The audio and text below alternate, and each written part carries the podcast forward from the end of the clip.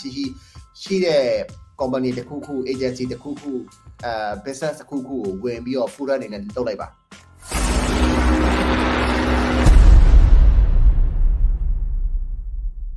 ကကို Alex များတဲ့ career ချက်ချက်ပတ်သက်ပြီးတော့အကြံယူခြင်းလို့ပါအာ digital marketing ကိုလေ့လာနေပြီးတော့မထိခလုတ်လေ့လာနေပြီးတော့ part time သဘောမျိုးကြုံလို့ဝင်လုံးနေတာနှစ်နှစ်ရှိပြီတဲ့ professional တယောက် specialist တယောက်ဖြစ်အောင်ထန်တဲ့ဝင်ဝင်လေးလာလုပ်ကင်လို့ပါတယ်အာဘယ်ကစာပြီးဘယ်လိုတယူတင်လဲတရက်ကိုအချိန်ဘယ်လောက်အနည်းဆုံးပေးရမလဲအဲ့တော့ Amazon ကဘယ်လိုကနေဘယ်လိုစပြီးတင်ရမလဲဆိုတော့အာ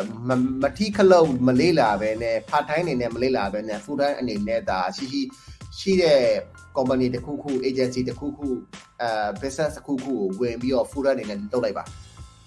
ကျွန်တော်ကျွန်တော်ကတော့အဲ့ half fast လောက်တာ half hours လောက်တာကျွန်တော်သိမကြိုက်ဘူးအဲ့မှာဟိုတိလိုက်မတိလိုက်ထိလိုက်မထိလိုက်ထိလိုက်မထိလိုက်ထိလိုက်မထိလိုက်လောက်တဲ့ဟာကိုကျွန်တော်သိမကြိုက်ဘူးကျွန်တော်ကကြတော့ဝင်ရင်အုံးနဲ့ဝင်လာကျွန်တော်ပေါ့လေနော်အကဲပေါ့လေကျွန်တော်ပေါ့လေဆိုတော့ကျွန်တော်တော့ဝင်တယ်ဆိုလို့ရှိရင်ကဟို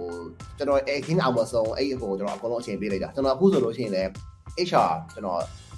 လေ့လာနေရတာ ဘာလို့ဆိုတော့ကျွန်တော်တို့ marketing agency ကကြတော့လူတွေကိုပေးဆုပ်ထားတဲ့ business industry ဆိုတော့ကြတော့ကျွန်တော်က HR ကိုကျွန်တော်အခုပို့ပြီးတော့ learn လုပ်နေရတယ်ပေါ့နော်ဆိုတော့အကဲမှာဟိုဒီမှာလည်းအာကျွန်တော်တို့ digital marketing ကို learn လုပ်ချင်တယ်ဆိုလို့ရှိရင်တော့လည်း company တစ်ခုခုကိုဝင်တာတော့အကောင်းဆုံးပဲအဲ့တော့ part time နဲ့လည်းမဝင်မနဲ့ full time နဲ့သာဝင်ချအဲ့ဒါဆိုလို့ရှိရင်အနည်းဆုံးတော့တရက်ကို8 hours ဆောက်ကတော့အဲ့ company ကိုပေးရမှာဆိုတော့သူတို့ဆရာတွေမြင်နေတဲ့ဟာတွေအကုန်လုံးက ဒါပို့ပြီးတော့ဟိုကိုယ့်အတွက်လည်းတင်ပေးနိုင်တဲ့ mentor တယောက်ရလာနိုင်တယ်